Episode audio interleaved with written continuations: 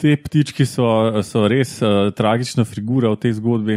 Gre, gre za ene sorodnike um, telih uh, Siga, Stevena Sigala. Ne?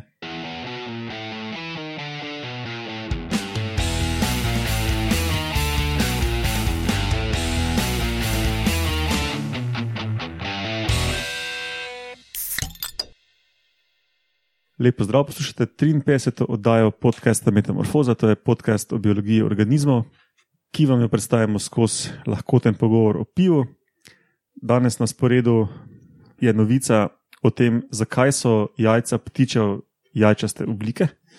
Ali ste vedeli, da tropske fige predstavljajo oaze hranil in vaški posebneži, drevo Birdcatcher in Dracula mravlje? Danes smo se zbrali isti ljudje kot prejšnjo epizodo, ker slučajno to snemamo takoj za prejšnjo epizodo. Uh, Laura in Nalenka Rozman, Živijo. Roman Luštrik Ahoj. in Urša Fležer Živijo. in Mešalka Milkijat Pa še Matjaž. in Matjaš Gregorič, posnjas. E, Da stote, mislim, da ti bo rata. Da, Da se ne bom pozabil. Um, povemo še, kdaj to snemamo. Na današnji dan, leta 1876, je umrl Christian Gottfried Ehrenberg, nemški zoolog, geolog in mikroskopist, ki ga smatramo za očeta mikropaleontologije, se pravi preučevanja fosilnih mikroorganizmov. In na današnji dan, leta 1898, je Joshua Slocum prvi sam prepotoval Zemljo in sicer je jadral okoli in okoli Zemlje. Preden Alenka svoje, um, svoje božje nadloge pove. Na današnji dan je leta 1838 se rodil gospod Mauser. On je bil konstruktor uh, ene zelo znane uh, puške, ki je imela nemška vojska med voj drugo svetovno vojno, pa še danes jo najdemo na kriznih žariščih. To se zame iz skladišča, ker je res tako, ki gre res za nohtene. In uh, ta puška je bila tudi osnova za marsikatero pol naslednjo. Uh -huh. No, pa bom pa jaz tole um, še, še moja katastrofa pristavila. In sicer leta 1556 uh, so zažgali 13 stanfordskih mučenikov. Zažgali so jih pa zato, ker so bili protestanti, pač angliži so imeli te, uh, ta šport. Uh, tega dogodka ne bi se pa udeležili 20 tisoč ljudi, kar je bilo za srednji vek kar velikne. Ja, fuzbala še niso imeli. Ne? Ja, pač malo sem se mogel zabavati. Šport je šport, a ne, ja. sem lahko jih več. ne. Pa Queenov še ni bilo takrat. ne. Ja, ena špekulacija, tudi, da je 13 za to nesrečno število. Ena od mnogih špekulacij. Okay. Nalimo si uh, nove glaže piva in začnimo z novicami.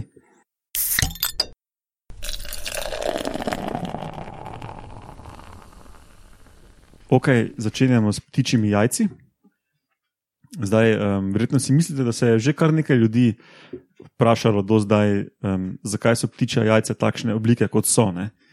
No, mogoče povemo najprej, da ptičja jajca so lahko, so v glavnem ovalna, so pa lahko okrogla, lahko so podolgovata, ampak simetrično podolgovata, lahko so pa tudi asimetrično podolgovata, kot kurja jajca, ki so na eni strani bolj široka kot na drugi, ne? kot da bi imeli neko bazo. Recimo. No, in um, do zdaj je bilo kar nekaj hipotez, zakaj so jajca določenih, uh, določene oblike. Večinoma so to razlagali kot adaptacije na nek življenjski slog. Imate kako idejo, kaj bi to lahko bilo, te hipoteze? Ja, en je očitno bolj na jajcih sedel kot drug. Ne. Ali pa jih je en bolj hiter ven stisnil kot drug. Po mojem gre za neko um, trade-off med tem, da mora biti jajc pa čim bolj okrogu, da čim več. Pa tem, da bi bil bolj podolgovat, da gre lahko večji jajc čez uno. Kloaka. Aha, dobro razmišljaš, Alenka, ne, ne tako Roman, pa, pa je Urša. Pa, pač glede na volumen je to pač uh, uh, učinkovita oblika. Ne. Kira. Zdaj. Ja, uh, okrogla oziroma podolgovata ja. okrogla. Ne. No, In noter lahko ful stvari spakiraš. Kar pa verjetno je pa bolj posledica tega, da je uh, uh, jajcevod slash kloaka v, v krogle oblike. a ne. no um, kar v pravo smer razmišljate, ne? zdaj stoščasta jajca, taki so. Taka asimetrična kurolika, ali pa še bolj asimetrična, kot jih ima kura, ne še bolj trikotna, če tako rečem, ne, iz nekega preseka. Um, so ene hipoteze, da so recimo, uh, da jih imajo tisti, ki gnezdijo na nekih previsih, da se kao ne skoteli iz gnezda. Recimo, ne. Potem recimo za okrogla jajca so bile hipoteze, da bi lahko bila okrogla teže zlomljiva kot podolgovata, ker se pač sile bolj enakomerno razporedijo. Um, pa da je pač potrebnega manj materijala za lupino, če so čisto okrogla. Ne? Se pravi, pač ptiči, ki bi šparali na materialu, bi imeli okrogla jajca. Potem za podolgovata jajca so recimo bile hipoteze, da izboljšajo izmenjavo plinov, ne? ker kao po zgornji površini jajca, ki je zdaj pač večja, ker je to podolgovate jajce, ne? da je tam fuldosti por in da je to pač taka površina za izmenjevanje plinov. Ne? In ena hipoteza je tudi, da je oblika jajca odraz morfologije medenice, kot je že Alenka ugibala, da bi v to smer lahko šlo. Ne? In ta hipoteza dalje pravi, da je ta morfologija medenice pa različna od vrste do vrste, glede na to, kako letijo ti ptiči.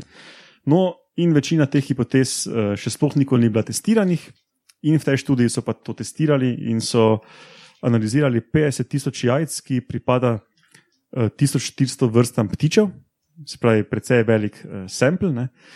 Naredili so biomehansko analizo in filogenetsko analizo, in so dali v te modele vse sorte reči, recimo um, sorodnost ptičev, telesno velikost, število jajc, tip gnezda, lokacija gnezda, um, kako hitro mladiči rastejo, neke okoljske parametre, kot so temperatura, vlažnost, neke geografske značilnosti, pa tudi indeks letalne učinkovitosti.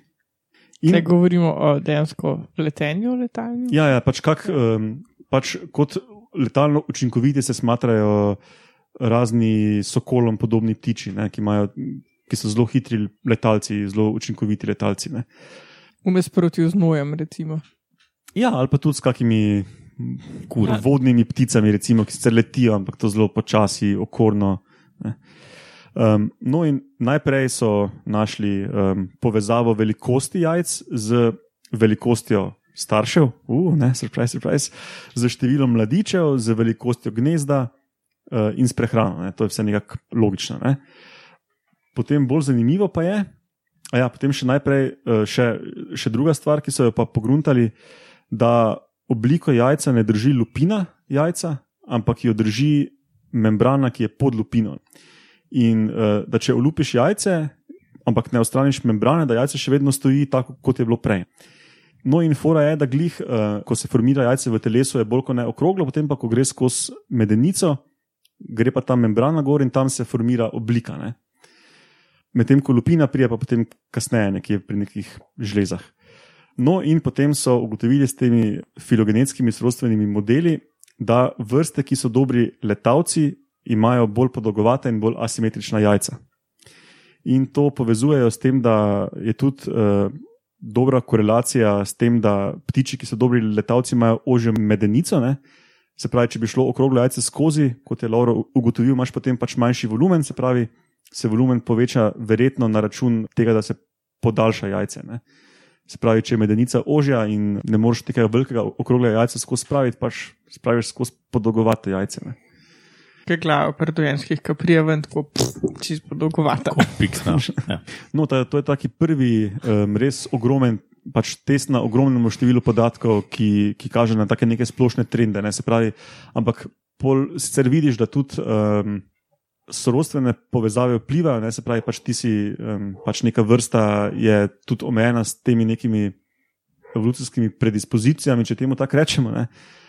Ti bolj neki sokololiki, um, sokolem, sokolom podobni letalci imajo podolgovata, ampak simetrična jajca, kakšni drugi dobri letalci imajo pa tudi asimetrična, recimo pa podolgovata, pa je to tudi precej odvisno od tega, um, v kiro žlahto pašeš. No? ampak nimajo pa dobri letalci, načeloma, nimajo okroglih jajc.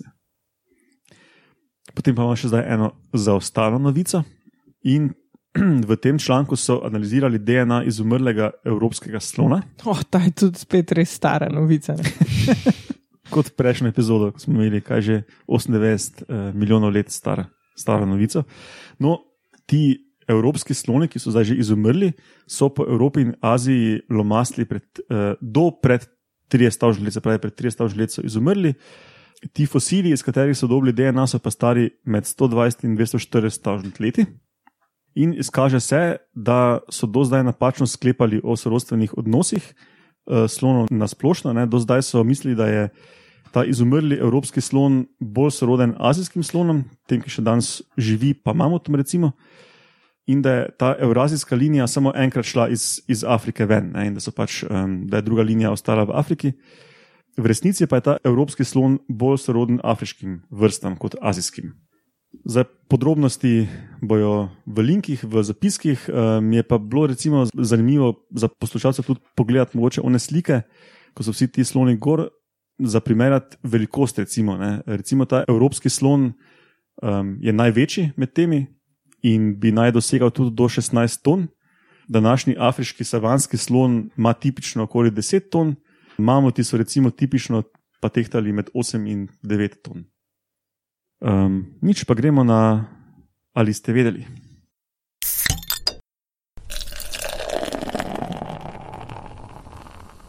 Jaz bom danes nekaj povedal o figah.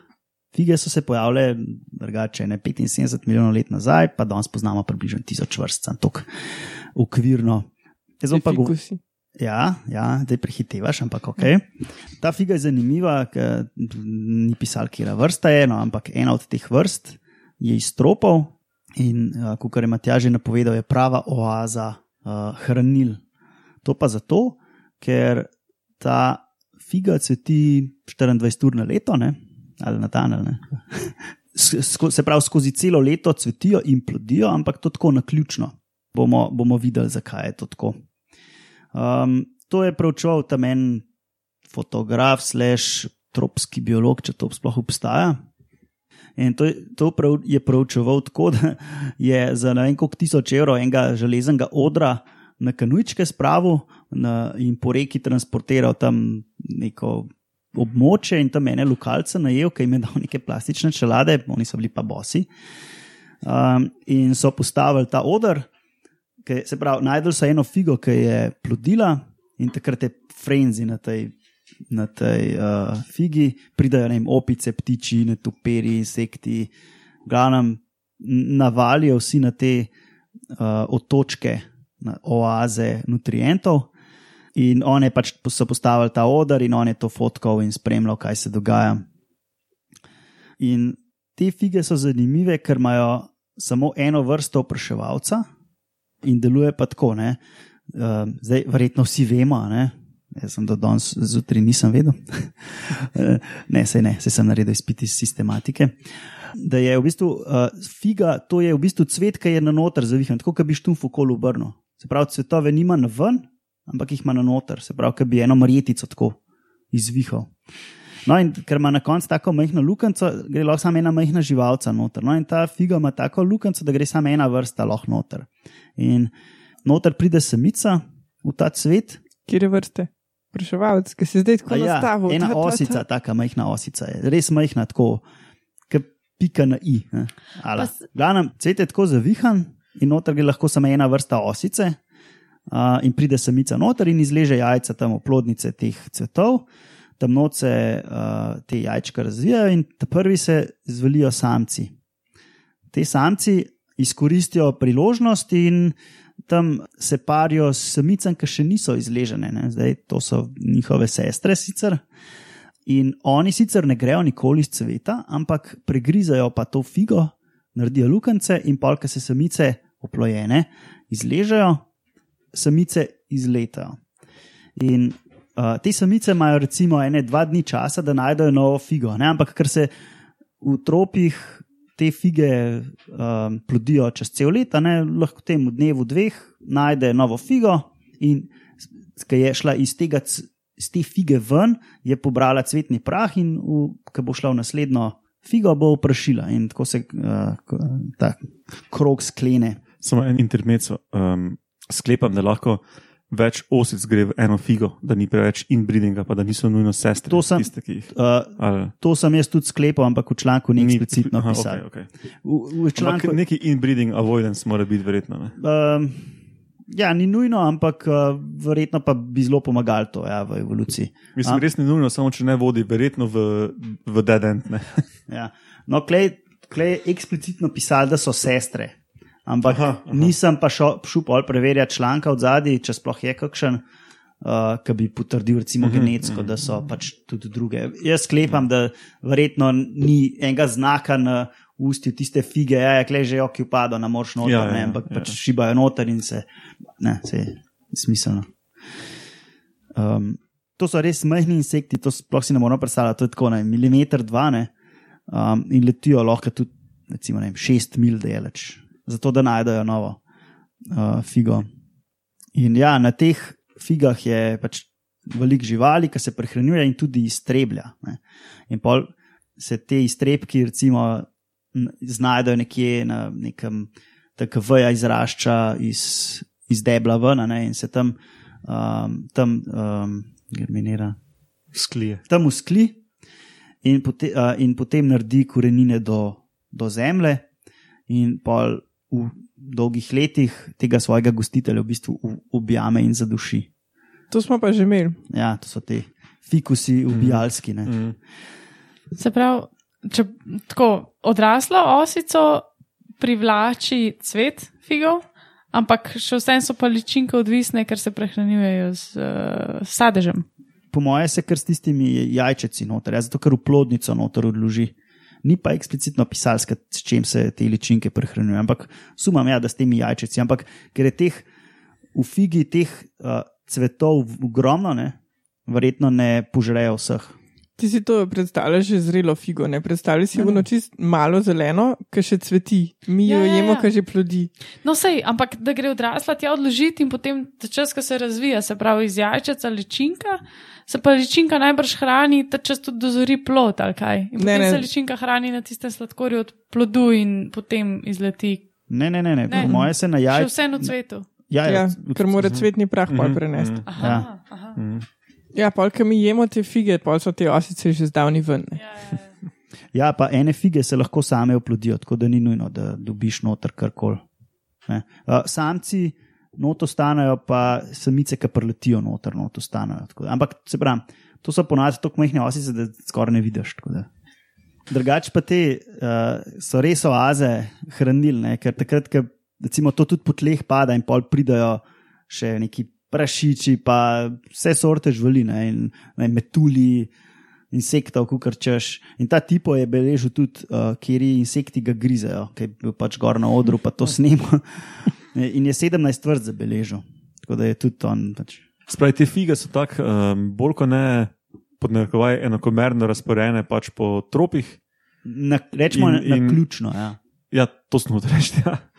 In uh, potem tudi uh, pač vsake toliko kira plodi, ampak ker jih je pač toliko posejenih okoli, je skozi katera in tista je potem ja. Uh, mala oazica. Tako. In takrat tistih par dni je tam orgija, ne, res napaja velik del tistega okoliša tam. In ja, plodijo pa tako, oziroma cvetijo pa na ključno. ne. In, in zaradi tega pač prija ta naključnost ven. Um, ok, to je to, Roman. Yes. Dobro, pa gremo na vaše posebneže.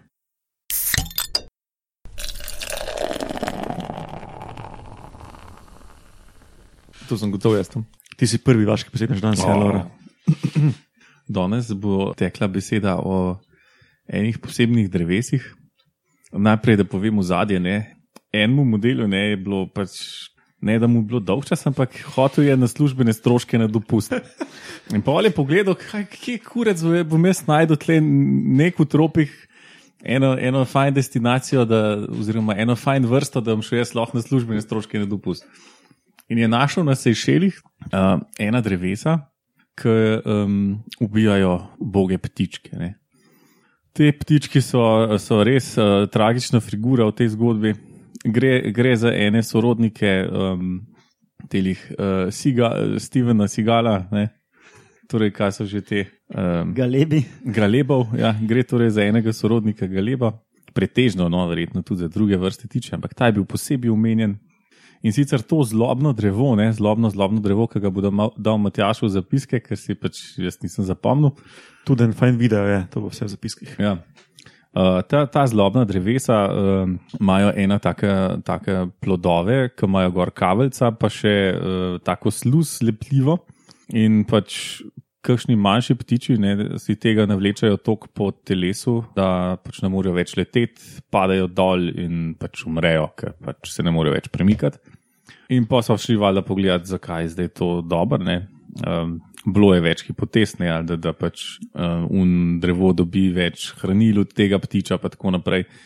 Se je skazalo, da temu ni tako, no, da je pač najbolj, naj, da, recimo, da je drevesu najboljš, če je ptič še živ, da je pač več nutrientov dobi od kakcev ptičjih in da je za drevo tudi boljš, če dejansko raznos to. Um, seme, ne? da ni da bi zdaj tisto seme boljše kalilo, ker je tam zraven uno truplo ptiča razpadlo. Ne?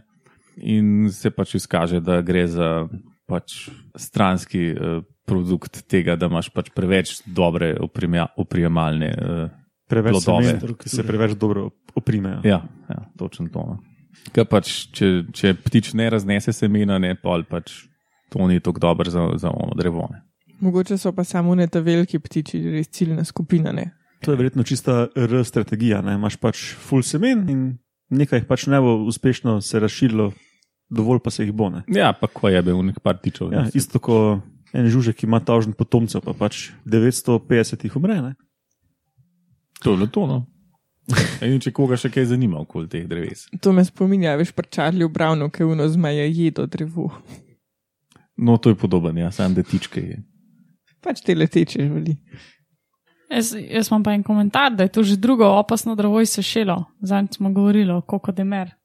Uh, sem že mislila, da, da boš povedal, da je pa zdaj eno drevo, ki ima take plodove, ki so ogromni in poteptajo, kakšne ptiče. Ne? Sam pa si v bistvu drugače zgodbo zastavil in sem videla, da ne govoriš o istem drevesu.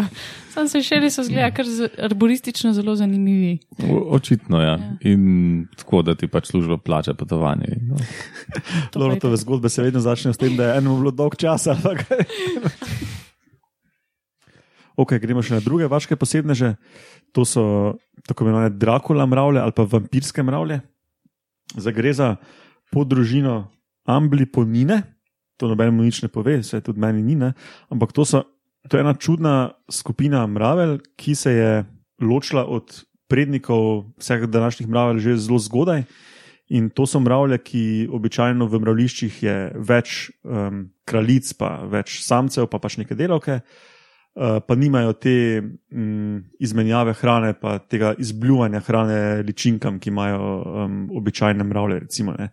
To se je razvilo kasneje, se pravi, te skupine tega nimajo, so pa socialne, ne. se pravi, imajo tudi kaste.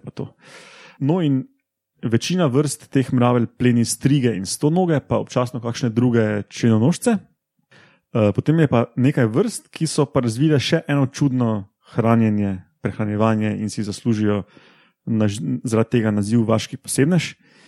In to je, da zganjajo tako zvan nedestruktivni kanibalizem. Zdaj pa koga um, kanibalizirajo te vampirske drakole mravlje, ne, ja, Urša? Samce. Blizu, Ker to je res nedestruktivno. veš. um, zajedajo na lastnih otrocih. Se pravi, um, To bi jaz uganil. ampak si bil raje modro tiho, da ne bi preveč iztirenec izpadal. Naredijo uh, luknjico v kutikulo ličinke in se hranijo z li, ličinkino hemolimfo, se pravi, ta kri slash limfa, vse v enem. Ne. Praktično jo izcuzajo. Ja, ampak je ne, ne ubijajo. Pač te ličinke se normalno um, zabubijo in um, zvalijo v delovke, slash kraljice, slash samce. Mok. Se pravi, sam um, pač mal. So rahitični. Pijejo. No, in um, Ne, v bistvu jih uporabljajo kot zunanjo predelovalno enoto, veš, da jim ni treba toliko prebavljati. vsaj pet rodov sem zvohal, ko sem pač o tem iskal, um, kako točno pa to poteka. In potem sem pogruntal, da v bistvu pri različnih vrstah različno. Ne? Recimo imaš vrste, ki, kjer se s temi ličinkami prehranjujejo samo matice.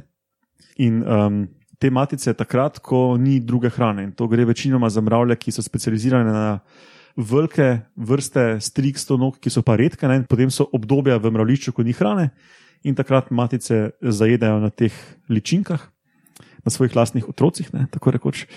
Uh, Potem so pa tudi vrste, ki obligatno um, zajedajo na ličinkah, se pravi, ne glede na to, ali je hrana ali ne, vse mravlje, tudi delavke, um, cuzajo hemolimfo ličink in te ličinke imajo celo specializirane organe, da izločajo to hemolimfo. Obratno od dojenja. To sem gledal, da rečete. V bistvu otroci zajedajo nas, oziroma nekatere. Kaj? Ja, Ne. nas je Naši človeški otroci. Ja. Ja. In miza se je obrnila. Ja, se to je matrifagija pri človeku, da v bistvu ješ uh, mamino tkivo. Ja. No, ampak se to je pri ful, to je tudi pri ribah. ali Pa. Um, ja, ta, to so te Drakula, vampirske mravlje. Še kako vprašanje? Potem pa to zaključuje tudi 53. oddajo. Uh, Metamorfoza gostuje na medijskem mreži Metina Lista. Poslušalci nas lahko dobite na Facebooku Metamorfoze ali pa na Twitterju pod hashtag Metamorfoza, pa pišete nam lahko na e-mail metamorfoza.afnametinalista.si. Um, na Twitterju Roman pod Ed Romunov, pa Urša pod Ed Gozna Jožica, pa jaz pod Ed Matjaš Gregorič. Ja, drugače pa se priporočamo za kakršne koli komentarje, pa za širjenje po vaših družabnih omrežjih, pa za donacije. Pa hvala vam in hvala poslušalcem za poslušanje. Ajde, Kaj pa?